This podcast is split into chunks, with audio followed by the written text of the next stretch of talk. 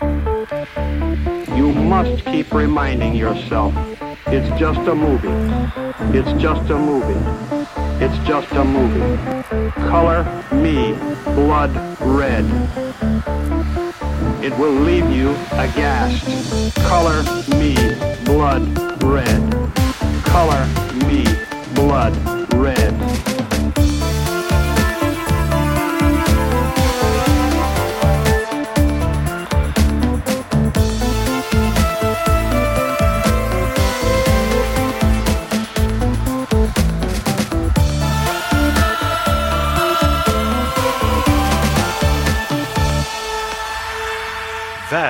Till skräckfilmspodcasten Vacancy avsnitt 146. Jag heter Erik Nyström. Och jag heter Magnus Johansson.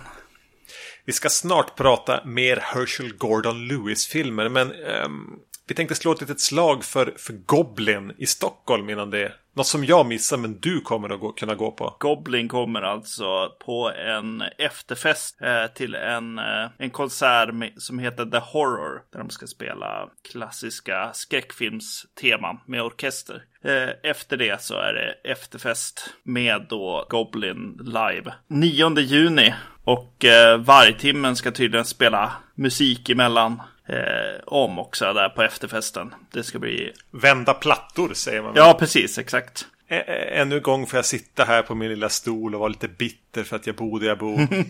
Precis. Inte nog med att det liksom snöade två decimeter den 11 maj. Nej, jag missade sånt där också. Ja, precis.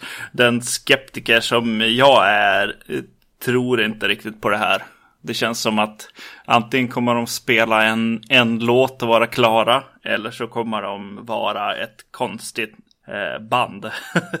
det är ju flera goblins som är ute och turnerar ibland och sådär.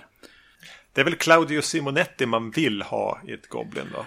Eh, ja, det är väl kanske det. Han brukar ju turnera som sig själv. Fast använder också Goblin-namnet. Eh, så det ska bli intressant att se vilka, vilka de här är nu då. Men det ska bli kul ändå. Hur som helst så låter det som en, ett trevligt tillfälle för um, skräckfilmsintresserade att få, om inte annat, mingla.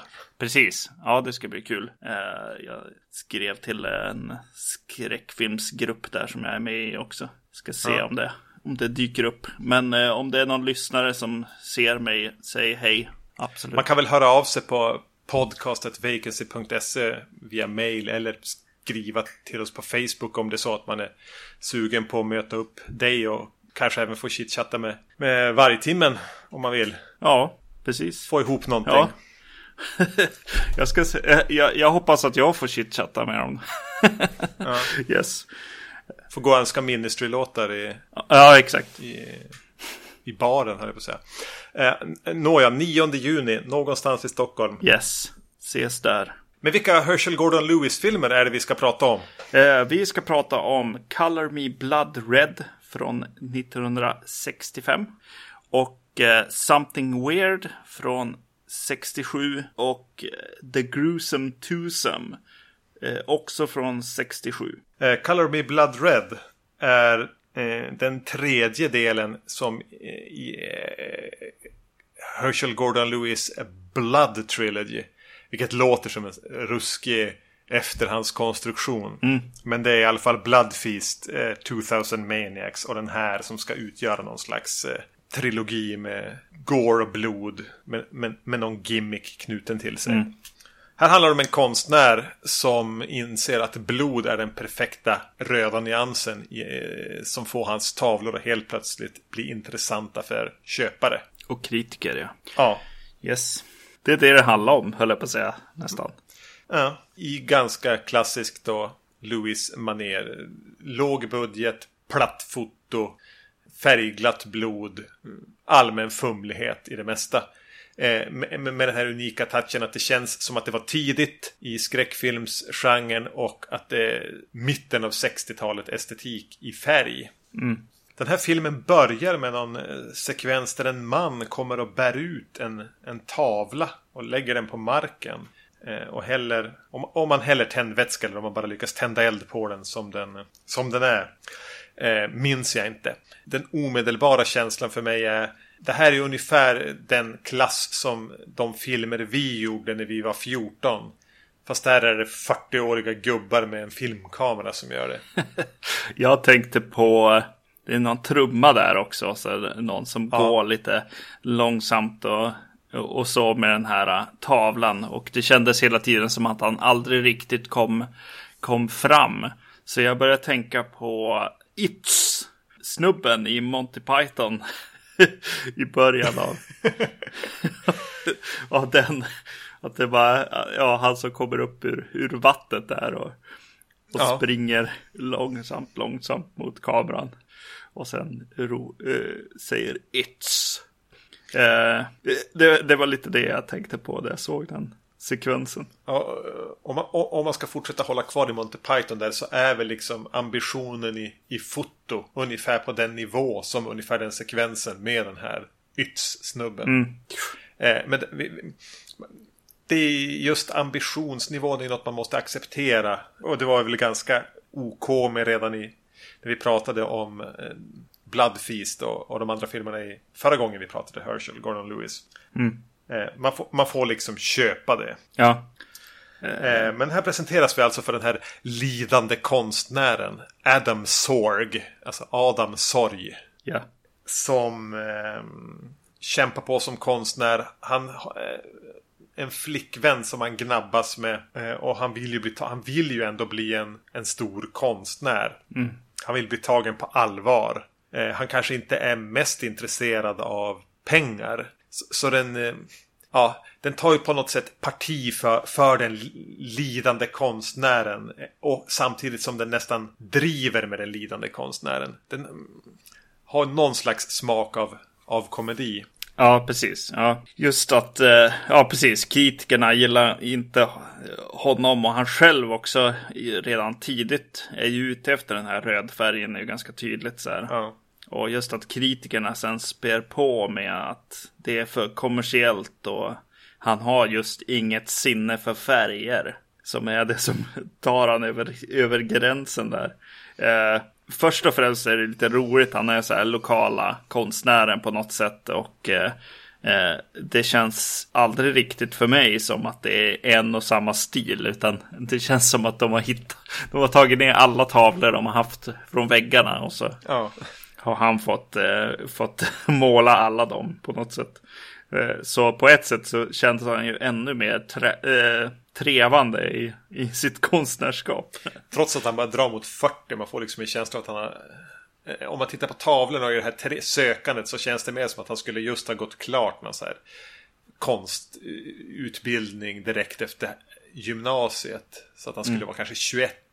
Ja, Eh, eh, Har du sett Roger Cormans Bucket of Blood? Det har du inte gissar jag. Nej, det har han nog inte gjort. Eh, den är väl sent 50 eller tidigt 60. Den handlar om en, en skulptör som... Eh, eh, ja men det är i princip samma story. Han, han eh, når inte heller de framgångar han, han vill nå. Och eh, råkar ha ihjäl någon och försöker gömma liket i en, genom att gjuta in det i en staty. Och den där statyn blir eh, hyllad av alla kritiker. Ja, Eh, och så rullar det på. Och han råkar ha ihjäl en katt också. Som han, hans, sin flickväns katt. Nå, något sånt. Det, det är samma princip i alla fall. Att han måste sen så döda för att eh, kunna göra sin konst. Eh, och hade inte du och jag någon sån här idé någon gång? Om en konstnärsfilm. Om någon som typ målade mord eller olyckor eller dödsfall. just det. Jo, så var det ja. Just det. Så det är någon fas man ska igenom om man gör har ambitioner att göra film. Eh, Bloodbath som vi pratade om också. Är inte Ja. det också en, en som har eh, något sån här liknande eh, te tematik på något sätt? Corman, Lewis och det var väl han Jack Hill va? Just det. Ja. Och, och så vidare. Ja, Fast vi gjorde den aldrig, vi pratade bara om det. Ja, precis. Jo. Jag, jag, fastnar lite grann i den här huvudrollen, Adam Sorg, som spelas av en person som heter Gordon o- Oasheim. Precis, jag skulle just uttala det där du. Alltså det är Oas eh, streck Heim. Mm. ja, precis. Eh, för att jag tänker hela tiden på att det är två skådisar som, som jag, jag har nämnt tidigare som jag tycker är lik. Han blir den tredje i eh, David Hemmings Ja. eh, från Deep Red och, och Blow Up då. och eh, Patrick Wymark från Blood on Satan's Claw. Ja, just det. Mm. I Repulsion dyker han upp i också för övrigt. Ett ganska runt ansikte. eh, Mm. Om jag nu av någon anledning ska behöva beskriva hur han ser ut. Ja, det är någonting med de här lite tröttare ögonen och sånt också. Mm. Så jag tänker på dem och, och har väl, eh, alltså det förhöjer på något sätt ändå. För det känns som att, att jag tänker att det är David Hemmings framför allt som, som eh, är i den här rollen på något sätt. Eh, Och då blir det lite kul. Att det blir, ja, det finns en viss referens till blow up på något sätt också som jag kan hitta i den på något sätt. Får jobba in de här associationerna lite grann. ja, ja, precis. Eh, och sen, ja, ibland så får skräckfilmsskapare för sig att så här, jag ska ta in någon humoristisk grej och så, så tar de det lite för långt. Känns det som. Det återkommer liksom skämt hel, genom hela filmen. Tänker du på gnabbet med flickvännen eller? Ja, precis. Eh, att, de, att de säger if we ever get married. Och så... I, if we ever got married I would divorce you. Ja, precis. Sådana, Eh, den typen av skämt. Ja. Ja, och det var egentligen bara en som jag bara... Ja, jag spontanskrattade när den kom för att ja, den kom en bit in i de här. Och så var, började jag vara less. Men sen så säger hon If we ever get married I'm gonna wear gloves, säger hon. jag tyckte det var roligt på något vis. Så jäkla otippat. ja men också. Jag kan verkligen se hur de bara. Ja men de här har en relation. Och vi vill att den ska vara lite. Kanske lite kärleksfull. Men mest nästan konfliktfylld. Men de stannar ändå med varandra. Och så har de bara gett dem de här replikerna. Det är ett enkelt sätt att skriva. Eh, alltså extremt enkelt sätt att skriva in någon slags dynamik i en relation. Ja. Eh, och då har jag verkligen tagit dynamik till det mest basala. Eh, men, men det ger dem en, på något sätt en, en historia i alla fall. Ja, det är en film som är väldigt mycket så här, alltså ganska dåligt fotad har du pratat om, men ibland är den ju helt ur fokus också. Ja. Alltså helt bara trasiga eh, shots. Blu-rayen gör eh, en lite pinsamt medveten om. Ja, ja eh, den, jag hänger med liksom. Tills, tills blodet börjar flöda här lite grann. Eh, faktiskt. Eh, så, så kan jag hänga med lite grann. Eh, men sen så dyker det upp. Eller börjar irritera mig på den jazziga, lite så här Rosa Pantern-musiken. Eh, som För känns- storbandsjazz. Som känns rätt trist och sen så kommer det mycket filler och alltså eller utfyllnadsscener och så som, som bara fyller ut eh, speltiden på något sätt och eh, ja, det blir inte så kul. Sen kanske den es- eskalerar lite i någon, någon slags eh, slutscen eh, scen där som, som känns ändå ganska fräsch på något sätt. Ja. Eh, lite, jag tror att jag har sagt det här förr känns det som. I förra eh, avsnittet lite grann att, att eh, den här med fotografen och det att, att det, jag, jag tyckte att den hade en, en liksom en, en skön liksom puls i slutet liksom. Eh, så det är de här mittenpartierna verkligen som blir ganska trist. Den är ju ganska uppenbart mycket eh, utfyllnad. Att, att, att det har inte funnits stoff till, till alltså vad är den? Den här är ändå lite längre än de andra. Den här är typ 80 minuter. Eh, så att de har lagt in bara så här st- strandhäng. Ja, Eller de här jädra, vad heter det, pedal, eh, typ cykelbåtarna.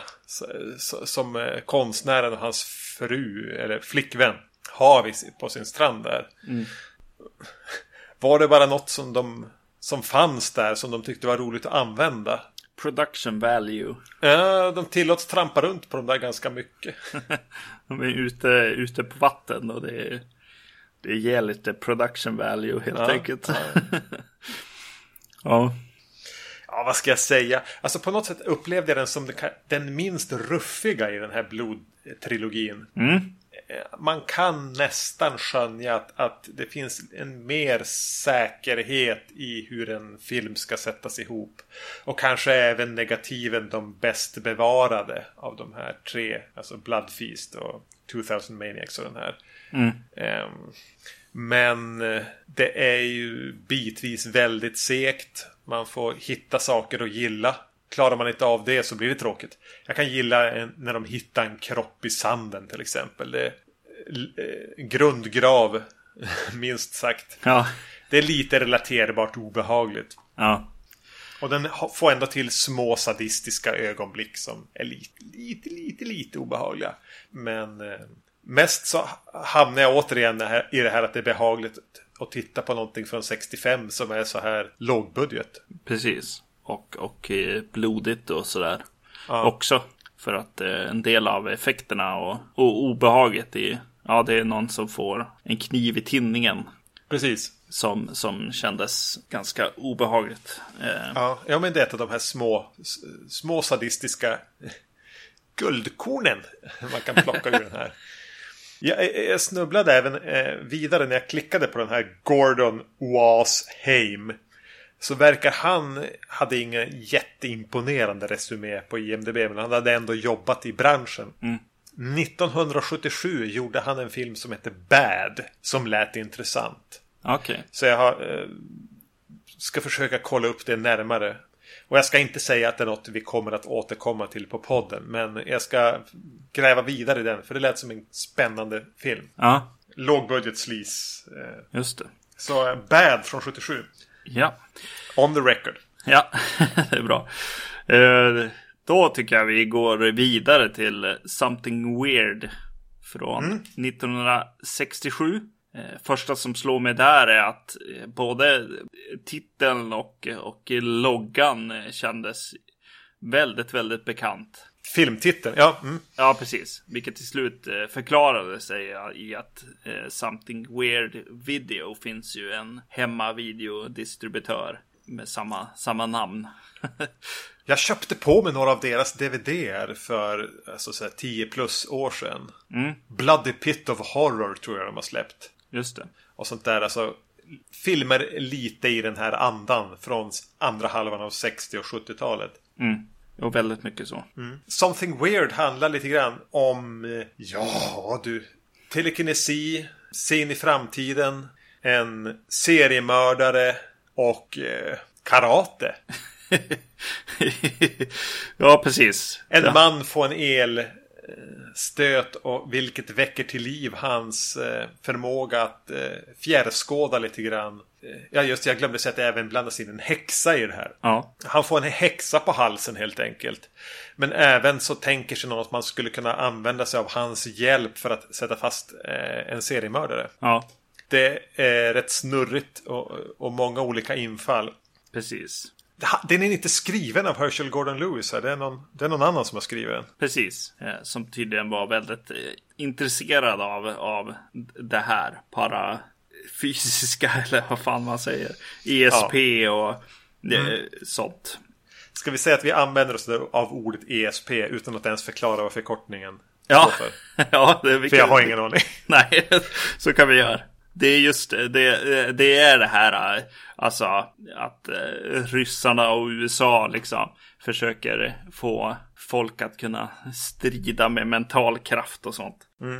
Som den här manusförfattaren tydligen hade velat prata om och eh, Herschel Gordon Lewis hade tagit det i en annan riktning lite grann. Till den grad att eh, han till slut producerade tillsammans med manusförfattaren tror jag en, en film som heter The Psychic eller något sånt. Eh, som är mer av, av en, en, en föreläsning om, eh, om det här. Eh, vilket han ville ha mer av. Eh, det kommer lite av det i början faktiskt. Som är lite skönt tycker jag. Jag är lite intresserad av att ha sett den filmen. Nå, nåja. Eh, eh, Den påminner väldigt mycket om Död zon. Alltså The Dead Zone.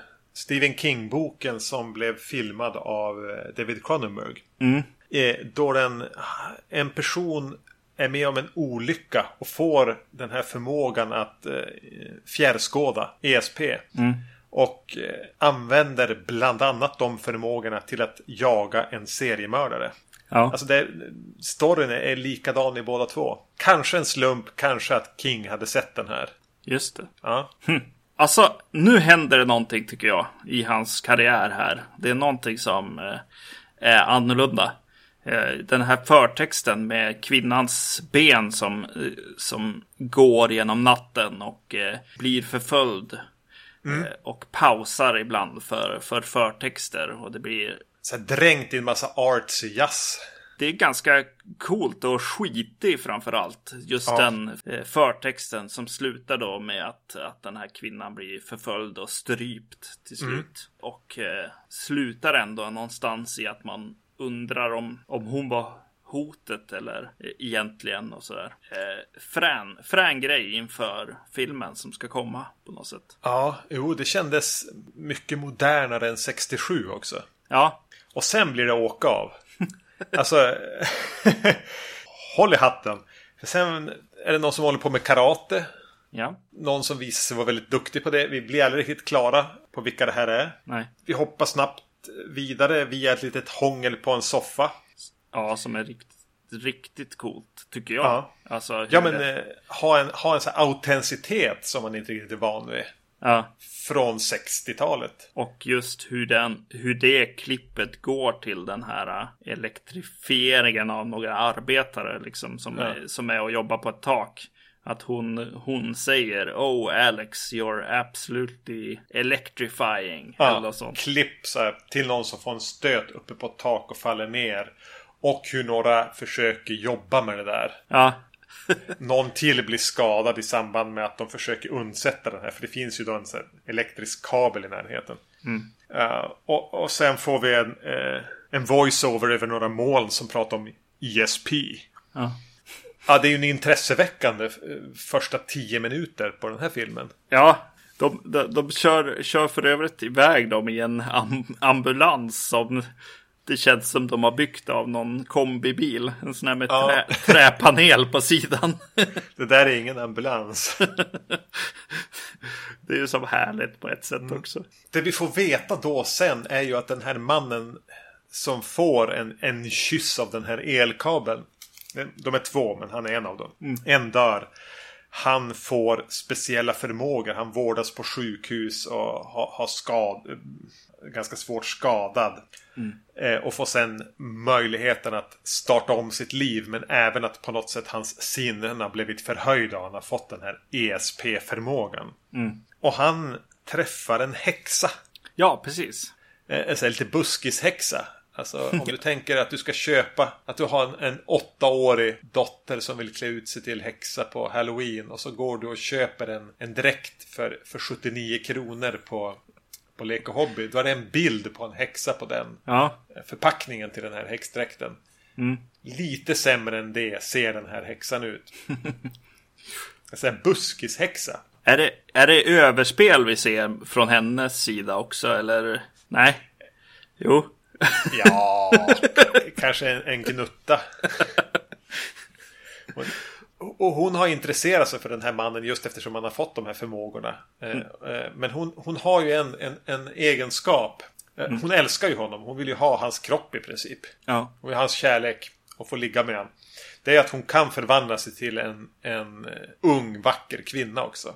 Som blir hans följeslagare. Mm, precis. Hon eh, erbjuder ju då att eh, trolla till hans ansikte som han har bränt helt eh, sönder och samman på ena sidan. I utbyte med att eh, han ska bli hennes lover. Man undrar ju om hon söker upp alla som har råkat få en skada. Eller bara de som har ESP-förmågor. eller om det här bara var en slump. Alltså att han även råkade ha dem. Det är jäkligt underlig eh, situation som man hamnar i där. Eh, som, eh, ja, nej, det är väldigt underligt på något sätt. Man, Han har även ett fantastiskt namn den här mannen. Han heter Cronin Mitchell. Cronin Mitchell. Coolt filmnamn. Ehm, och det är ju eh, Jag tror ju då att man ska få, att, att han ska vara, av, duperas av den här häxan. att det blir någon slags bad guy. Att det är han som kanske har strypt den här kvinnan vi får se i förtexterna. Ja, just det. Mm. Men så är det ju inte. Utan istället så börjar han utforska sina förmågor och, och, och åker lite land och rike runt. Ja, Och hamna i någon liten eh, sydstat, tänker jag mig va? Ja. Eh, där den här seriemördaren härjar. Och polismyndigheten där tänker, ja men vi har den här personen som påstår sig ha ESP-förmågor. Kan ju hjälpa oss att knäcka den här mordgåtan med den här seriemördaren som sätter skräck i staden. Men de vill inte riktigt fullt ut lita på en, på en potentiell kvacksalvare. Så de tar dit den här karate-personen vi fick träffa i det här snabba introt. Ja. Som även är en slags eh, kringresande skeptiker som ifrågasätter sådana här typer av fenomen. Men, ja, precis. Men är, är inte han från, alltså typ CIA eller någonting? Ja, han jobbar väl åt CIA men han är, han är ju någon slags college, alltså professor på ett universitet också. Men han är väl anställd av CIA. Just det. Och de vill väl ta reda på om det Och CIA är ju intresserade på om det verkligen finns en person som har den här typen av krafter. Mm, mm. Han är någon slags professionell bluffspräckare. Och jag är helt matt av all den här storyn helt plötsligt i en, i en Herschel Gordon Lewis-film. Ja, eh, jag, jag, jag gillar ju när de presenterar sig också. Ibland, ibland så bryr han sig inte riktigt om, om detaljerna, om det är en ambulans eller inte och sånt. Det är någon som presenterar sig som polis från något ställe och deras crime detail. jag tyckte det är så fantastiskt. Mm. brottsdetaljen där.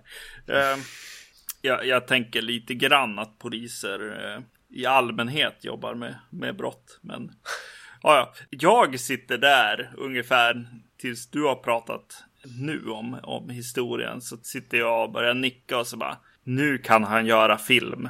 Herschel Gordon Lewis. Han hoppar förbi långa ressträckor. Han, eh, han kan, kan liksom ge sig in i en, i en scen när man redan är på plats utan att måste gå in i ett hus eller, eller så. Vi slipper en så här 45 sekunders sekvens på en person som bara promenerar till scenen. ja, precis, exakt. Så eh, jag, är ganska, ganska glad här och jag gillar ju också hur flippat det liksom börjar vara och alla de här konstiga trådarna och sånt. eh. Ja, Och även i hur karaktärerna liksom, det är inte bara story som ska fram på något sätt heller. Utan det finns karaktärer här som får vara liksom lite folk man ska tycka bra om eller dåligt om och sånt. Till exempel den här, ja vad ska vi kalla han huvudrollen, han som, han som får de här krafterna. Att han, eh, Ja. man får en känsla av att man kanske inte ska gilla honom riktigt. Fast att man ville eh, hålla fast vid honom ett tag i början. Och så sen så kommer han och räddar en tjej från ett svin. Men börjar bara svina vidare liksom på något sätt. Eh, och sådär. jo, men den har lite de här som i en bok. Ja, En typ eh, att det finns ett par karaktärer som man inte riktigt vet vad man ska tycka om. nej precis.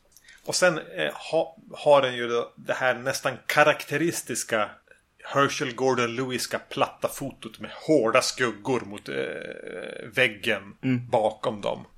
Och, och att den är lite för högt kamerastativet. Ja, just det. Ja. Eh, Det tänkte jag på när JMB-flaskan eh, dök upp i, Ja. i bild. Det, det är någon karaktär som till och med sköljer ett sår i handen med, med JMBs. ja, just det. Det är bra. Bra produktplacering. Eh, men jag trivs ju i det här mischmaschet. Ja, Jag, jag var inte riktigt beredd på den här typen av film helt plötsligt. Med, med trådar och karaktärer och... att Ja. jag inte riktigt vet var det kommer att sluta ens. Vilket har varit ganska tydligt i de tidigare. Och sen har den en häftig scen. Med ett täcke som försöker strypa en karaktär. just det. Man, man, man börjar tänka lite på Bruce Campbell och, Ja. och Evil Dead. Verkligen. Någon som får jobba hårt med, med, med att få liv i lite sängkläder där. Men, men ändå, det, ja, det såg jag inte riktigt heller komma. Nej, precis. Nej. Och att den överraskar mig en, egentligen enda vägen in i finalen med vad som händer med vissa karaktärer. Ja. Uh, jag gillar ju också, uh, alltså, jag har pratat ganska mycket om den här filmen, men den här LSD momentet mm. också. Ja, just det. Liksom psychic investigation on LSD. Det är CIA som kommer med LSD också till, till ja. den här. Och mycket förkortningar. CIA kommer med LSD till ESP-snubben. yes. Bara ta det här. Det är ju skitbra. Vi, har, vi, det, vi har hört att det ska vara bra. uh, ja, men det är kul alltså. Den är ju en film lite grann som uh, Åh, vad hette den då? Hammer-filmen som vi såg som var lite om, om satanism och, och sånt där. Det var någon manusförfattare som var väldigt intresserad liksom. Eh, oj, vad heter den? Jag vet vilken du menar, jag måste bara komma på vad den heter. The Devil... The Devil Rides Out, ja. Ja. Just det. Den har lite, lite av den, den grejen, att man, att man vill prata om så mycket liksom på samma gång. Mm. Eh, så det blir härligt på något sätt. Till och med liksom en, en butterikshäxa. ja, ja, precis. Eh, I kontrast liksom. Vad är, vad är skillnaden på, på trollkonster och eh, psychic fenomen liksom? Ja. det är kul. Och den lyckas till och med skapa någon slags dynamik där. Att, i, vetskapen av att jo, men det här är en häxa som kan förställa sitt utseende med typ häxkrafter att se ut som en fotomodell. Mm. Och man ser nästan att karaktärerna som har sett båda två är så här bara Ja men jag kanske kan låtsas att hon ändå bara ser ut så där. Mm. och ligga med hon ändå. Det är okej. Okay. Ja precis. För mitt ansiktes skull. Mm. Ja. ja men det här var Jag hade ingen aning om att den här filmen existerade. Nej. Den är inte någon av de här Herschel Gordon Lewis-filmerna som nämns. Som är typ den här Blood Trilogy och eh, Wizard of Gore och sådana här som vi kommer att återkomma till senare i år. Men det var en härlig överraskning. Mm, mm, det var det. I en riktigt risig transfer. Nu var det nästan så att det förhöjde upplevelsen. Ja, nej, ja, ja, vad kul. Då går vi vidare till The Gruesome Twosome. Den titeln du, den skulle man ha varit först med. Exakt. Ja. Mycket, mycket eh, bra. Det, det är över, överlag är han väl eh, väldigt bra på det här med, med titlar. Something Weird är ju fantastiskt också. Ja. Man får lite vibbarna att de har funnits långt före eh, konceptet. Just det. Det var som med, med fredag den 13 ungefär. Mm, mm. The Gruesome Twosome är egentligen eh, mor och dotter. Mamma har en, eh, en, en perukaffär. Och och eh, sonen fixar perukerna. Mor och son menar du? Ja. Ja, ja absolut. Yes. Jag är trött. Mm. Unga kvinnor lockas in i den här perukaffären. Slussas in i rummet där den här eh, sonen helt enkelt dräper dem och skär av dem håret. Så att eh, mamma kan sälja det till eh, någon som vill ha en peruk. Vilket jag tror var vanligare på 60-talet. Ja, precis. De pratade till och med om det som att det var en ny, ny ja. grej lite grann. Att uh, unga kvinnor klippte av håret och uh, skaffade peruk istället. Uh. Ja. Ser du inte att det är där som Herschel Gordon Lewis har fått idén? Att han, att, att, att han hörde talas om det. Ja, det är så man gör nu. Vänta nu. För det här är ju som en, en ännu en variant på Blood Feast eller på A Taste of Blood. Ja. Konceptet. Fast här är det hår. Men hur börjar den här? Kan du berätta det? Jag kan inte riktigt göra det. Eh... Skyltdockehuvuden som pratar med varandra. Ja, just det. Vad fan. Just det. Ja, ja men det är okej. Okay. Jag blandade. Jag, jag kallade sonen för dotter och sånt där. Så att, att du inte har glömt den här mycket, mycket relevanta flera minuter sekvensen med två skyltdockehuvuden som pratar med varandra om absolut ingenting. Innan en skalpell trycks in i tinningen på en av dem. Eller vad det nu är som händer. Ja. I, tydligen något som filmades i efterhand för att bara fylla upp med tid. Ja.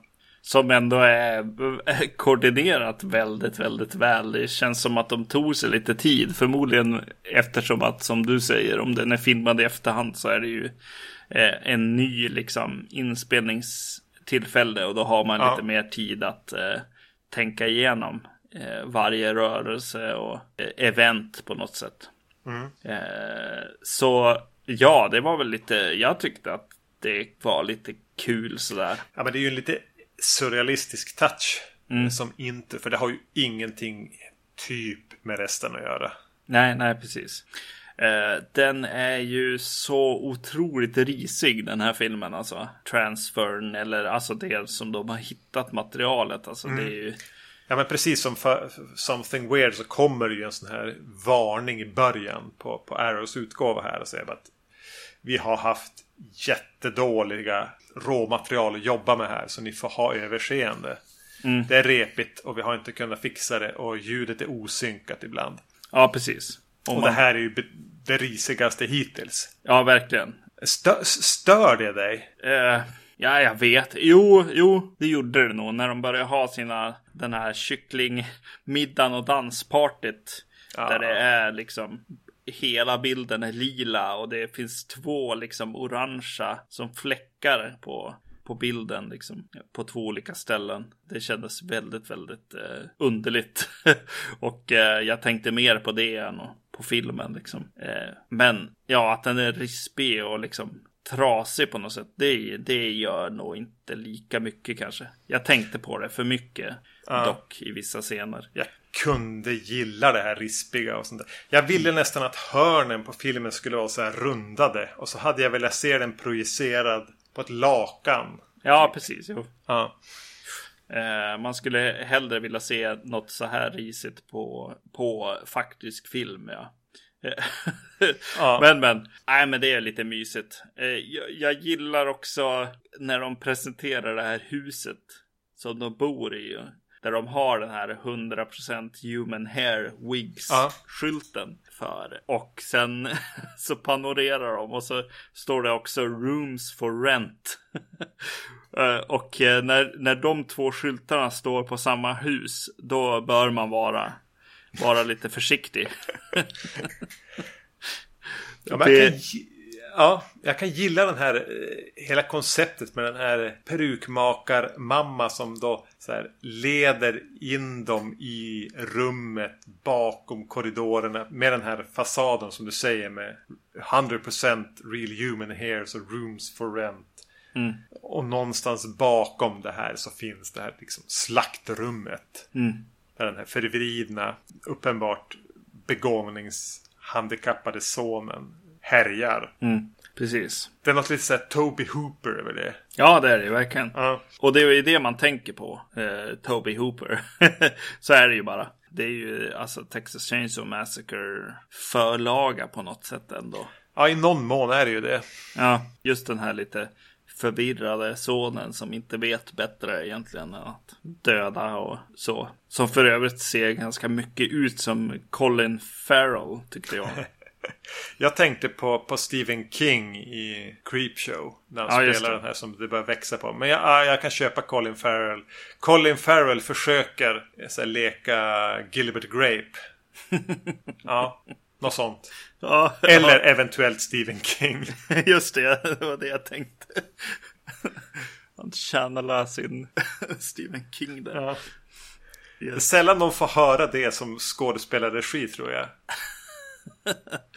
Försök komma i kontakt med din inre Stephen King här. Ja. Men herregud ändå vad mycket utfyllnad det är. Vi har kunnat kritisera mycket av, av de tidigare Herschel Gordon Lewis-filmerna för att vara fulla med utfyllnad. Men här, och då räknar jag inte ens de här skyltdockshuvudena i början. Nej. Här är det ju bara utfyllnad. Ja. Eh, Så det är inte många minuter av... Alltså, eh, jag tror jag är snäll om jag säger att den här filmen hade kunnat vara avklarad på 20 minuter. Eh, Det, det presenteras då karaktärer som då, ja men några vars kompisar har eh, tänkt att de ska sälja sitt hår. Och, och någon som börjar så här, amatördetektiv följa efter någon vaktmästare.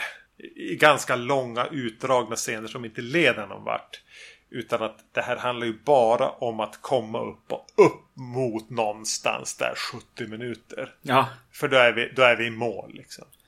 Jag brukar skriva ungefär två av fyra eh, för en, en, en film som håller mitt intresse uppe. Den här har ungefär en halv. Ja, jag är också på en halv och då brukar jag skriva ungefär en. Ja, Utan, ja. Det, det är en massa tramsig utfyllnad. Jag hade jättesvårt att, att inte dras till annat. Mm. Eh, Och det känns väl som att det är rätt okej med tanke på hur låg kvalitet det här är. Att jag satt och, och, och skickade kanske något sms eller något sånt där medan jag såg det. Det gör väl ingenting. Nej. Eh, När man tycker att det är lite kul att så här, eh, en- en sorority sitter och äter kycklingmiddag och pratar med varandra och sen bara spontant övergår det till någon slags dansparty. Eh, vilket är så här, jaha, oj, vilken konstig inblick i, i de här kvinnornas liv. Ja. eh, massa utfyllnad liksom. Ja, de åker runt i någon bil också och sitter och pratar i en bil. Ja, Ja, men någonting den här filmen har som är positivt måste jag ändå säga. Det är gore-effekterna. ja skalperingarna. Ja, Ja, de är ju jätteobehagliga. eh, och eh, en del an ja, andra mord. Det är någon som eh, liksom blir huggen i magen och eh, han börjar plocka ut eh, organ och sådär. Ja. Det är ju obehagligt och, och snyggt gjort också. För att eh, personen i fråga som får, får eh, magen tömd så att säga ligger ändå där på bordet liksom. Så att de har ju börjat göra lite Tom Savini-aktiga saker här ändå. Med att gräva ner höll jag på att säga. Men, men eh, stoppa ner dem i bordet och sånt där och lägga specialeffekterna nedanför liksom och sådär. Det tycker jag ändå är fräckt med filmen. Ja, men det, det är väl höjdpunkterna och det är någonting som vi kanske inte pratar så mycket om i våran podcast sådär men så, Gore-effekter. Nej, Nej. Eh, men eh, nej, det är riktigt roligt att se dem eh, 67 också. Ja. Jo men här kan man ju känna lite grann den här att, att jo men det finns ändå en anledning att vi väljer att prata om Herschel Gordon Lewis. Vilket jag satt och tyckte var lite jobbigt under den här. Bara, vad fan, det är lite min idé det här. Och, lite jobbigt var det.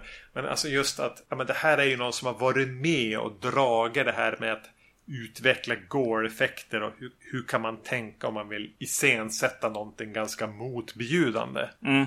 Och där plockar väl egentligen The Gruesome Twosome sina poäng. Förutom titeln då. Mm. Grandfather of Gore. Det är nu han, han har hittat till verkligen effekter som känns jo- jobbiga på något sätt. Och verklighetstrogna för sin tid kanske. Nej, nej, det ser ut som Tom Savini-effekter en del alltså. Ja men alltså det är en ganska så långsam skalpering bland annat. Mm. Som håller hög nivå. Alltså som, som definitivt hade hållit ihop 20 år senare. Ja, Vad är vi då? Typ 87? Ja, absolut. Mm. Eh, så mm, här är det någon som har kommit på. Och det är väl där fokus, intresse och energi har legat när de har gjort den här filmen. ja precis. Att man måste hålla kvar kameran vid en massa trista dancepartys. och filosoferande i bilen kring vad det är som händer egentligen. Och, och det så här, amatördetektiver som verkligen bara vandrar runt. Det, det är bara där för att blåsa upp den här bubblan så stor att den går att skicka upp på vit duk och ta betalt för. Mm. perukfabriken och, eh, och eh, villan som de bor på eh, i ligger på Elm Street också. Ja, det tänkte jag inte på. Eh, vilket var lite, lite härligt på något sätt. Det är väl meningen som sagt att Elm Street är, är någonting som finns i varje stad och hela den grejen. Nygatan. Jo. Ja, att det an- används här också, vilket var kul. För det, det känns som den här filmen ändå har några, några sådana saker. Att den, att den ligger liksom i framkanten då. På just Gore- Gore-grejen och eh, familjeförhållande-grejen som ändå kommer tillbaka liksom i, i Texas Chainsaw Massacre och, och eh, framåt egentligen. Men, men att få ihop det till en film gick inte. För där fanns inte idéerna. Nej, precis, nej. Den är svår att hålla fokus genom. Det är nästan en utmaning. Att se den utan att, att börja titta på annat i rummet. Ja, ja. så eh, i det här avsnittet så blev det lite, lite trist avsnitt kan jag ju säga. Something weird var, det, var behållningen. Eh, på något sätt ändå. Även om den också står och trampar lite kan jag tycka. Eller Ja, det ja, kanske ja. blir... Ja, men det är klart. Det, det, det måste man på något sätt ha, ta för givet i de här filmerna. ja, Att det är ganska trögt hela tiden. ja, precis. Jo. jo, det är det. Det kräver en viss toleransnivå allihop. Ja. jag gillar på något sätt ändå liksom tanken med Color Me Blood Red. Alltså det är så, så enkelt och, och det är charmigt på ett sätt.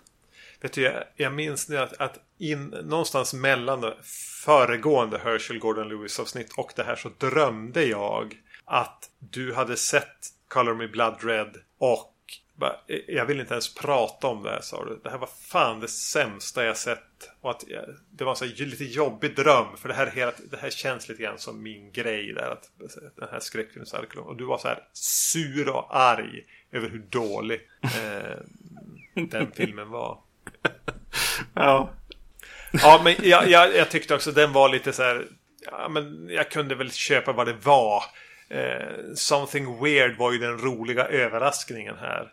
Medan The Gruesome Twosome var otroligt jobbig att ta sig igenom. Mm. Även om den då ändå har så pass lyckade små bitar så är helheten alldeles för, för jobbig. Mm. Och för tom och för mycket utfyllnad. Ja. Nu är vi, nu är vi halvvägs genom det här. Ja, det ska bli spännande att se. Ja, var, var det slutar. Jag har ingen aning. Har nog inte sett något. Jo, men jag har sett Wizard of Gore som kommer här under andra halvan av året. Men i övrigt har jag inte sett någon av de andra filmerna. Ska bli kul att bege sig in i 70-talet känner jag. Ja, Ja. Han, han borde väl lära sig saker. Vi får se. Ja. Vi hade tänkt att vi skulle följa upp vårt biobesök av Prometheus i nästa avsnitt. Genom att gå och se Alien Covenant. Ja, Ja jävlar. ja precis. Eh, vill man höra ett par besvikna grabbar, höll jag på att säga. Ja. Så ska man lyssna på Prometheus-avsnittet. där, jag, där jag hade väldigt, väldigt höga förväntningar. Eh, det, det ska bli spännande att se den här och se, se vad som händer. Ja men Prometheus har i alla fall eh, åtminstone lyckats med att skjuta ner alla förväntningar på att Ridley Scott kan göra film längre. Ja, ja så det blir det nästa gång. Ja, Eh, tills dess då vet ni egentligen var man hittar oss på iTunes. På Facebook finns vi om man vill ta kontakt med oss. Vi finns på vår hemsida vacancy.se och på podcast at vacancy.se. Är det något annat vi vill ha sagt? nej. Ja, gå på Goblin då. Ja. ja, precis. Säg hej, ta en öl. Med... Bjud Magnus på en öl. nej. Eller en drink. Alien Covenant nästa gång. Ha det bra, hej! yes, hej.